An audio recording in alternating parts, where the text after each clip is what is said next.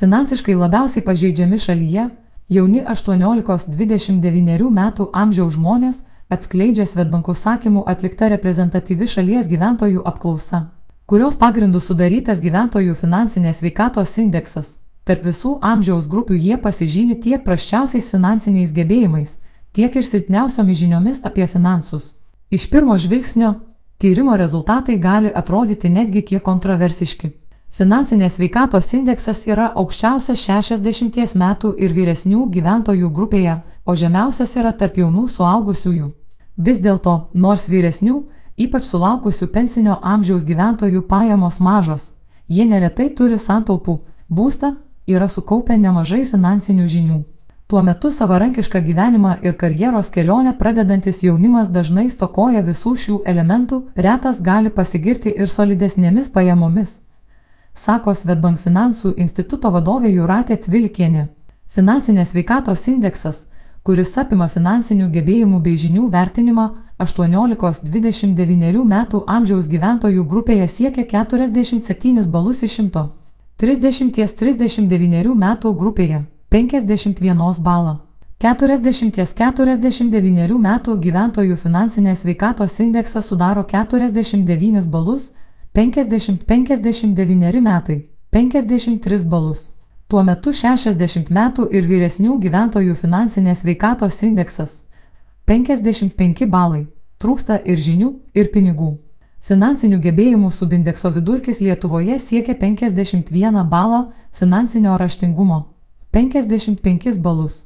Tuo metu 18-29 metų amžiaus grupėje rodikliai siekia atitinkamai 46 ir 50 balų ir yra žemiausi iš visų amžiaus grupių. Turint mintyje, kad Lietuvos moksleiviai pagal savo finansinį raštingumą vis dar atsilieka nuo ekonominio bendradarbiavimo ir plėtros organizacijos šalių vidurkio, tai pernelyg nestebina. Nesukaupę pakankamai žinių ir įgūdžių mokykloje bei namuose, savarankišką gyvenimą jie pradeda ganėtinai trapioje pozicijoje.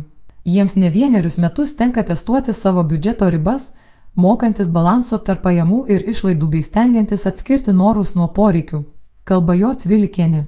Be to, kaip pažymė Svetbank finansų instituto vadovė, dažnas 18-29 metų amžiaus gyventojas dar tik kopia savo karjeros laiptais ir pamažu augina savo pajamas. Tad bent keletą pirmųjų savarankiško gyvenimo metų balansuoja kuklesnių pajamų ribose, jaučiasi finansiškai nesaugus. Apklausos duomenimis, mažiau nei dešimtadalis jaunų žmonių užtikrintai gali pasakyti, kad jaučiasi visiškai finansiškai saugus. Tai, anot jo Tvilikienės, patvirtina ir kiti tyrimo rezultatai. Kaip rodo apklausa, daugiau nei pusės jaunų žmonių mėnesio išlaidos viršyje jų pajamas arba yra joms lygios. Tai rodo, kad su finansiniu nesaugumu nemaža dalis jaunimo susiduria ko ne kasdien. Ką jau kalbėti apie tolimesnę perspektyvą. Tarp 18-29 metų gyventojų 3 mėnesių pajamų dydžio ar didesnį finansinį rezervą turi tik 12 procentų respondentų. Palyginimui, tokio dydžio santopų sako turintys net 56 procentai 60 metų amžiaus ir vyresnių gyventojų. Komentuoja jo Cvilikienė.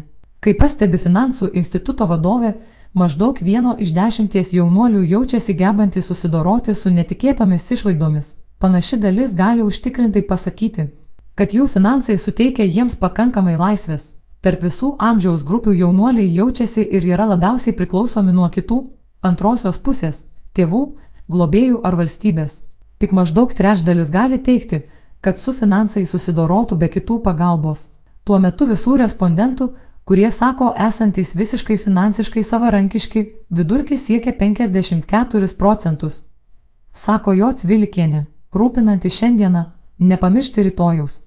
Anot Svetbank finansų instituto vadovės, geresnės finansinės veikatos siekiantiems jauniems suaugusiems reikėtų pradėti nuo bazinių finansinių tiesų, kasdienių finansų planavimo bei finansinio rezervo kaupimo. Tačiau būtina nepamiršti ir ilgalaikio finansinio saugumo bei atsparumo gebėjimo auginti santaupas, rūpeščio pakankamomis pajamomis senatvėje. Tai, kad su finansiniais iššūkiais susiduria ir mažas, ir didelės pajamas gaunantis gyventojai, patvirtina mūsų finansinės elgsenos ir įpročių poveikį mūsų finansiniai geroviai. Taigi, išlaikyti kasdienių finansų balansą, kuriame išlaidos neviršyje pajamų, padės ne kas kita, kaip kruopštus finansų planavimas. biudžeto sudarimas ir jo laikymasis. Kalba jo Cvilikienė. Ilgesnėje perspektyvoje, pasak ekspertės, finansinį saugumą ir atsparumą sukurs santaupos. Todėl sudarant mėnesio biudžetą jo Cvilikienė patarė būtinai jame numatyti eilutę taupimui ir sukaupti bent 3-6 mėnesių pajamų dydžio finansinį rezervą.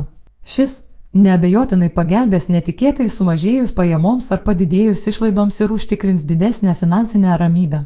Užsitikrinus trumpalaikį finansinį rezervą, reikėtų nepamiršti ir ilgalaikio saugumo bei gerovės. Papildomai kaupiant pensiją ar investuojant savarankiškai stengtis pasirūpinti pakankamų pragyvenimo lygių bei finansinę sveikatą senatvėje. Taip pat svarbus žingsnis - apsaugoti save ir savo finansus nuo įvairių nelaimingų atsitikimų padarinių, apdraudžiant ar kitaip teisiškai apsaugant tai, kas vertinga. Komentuoja jo Tvilikienė.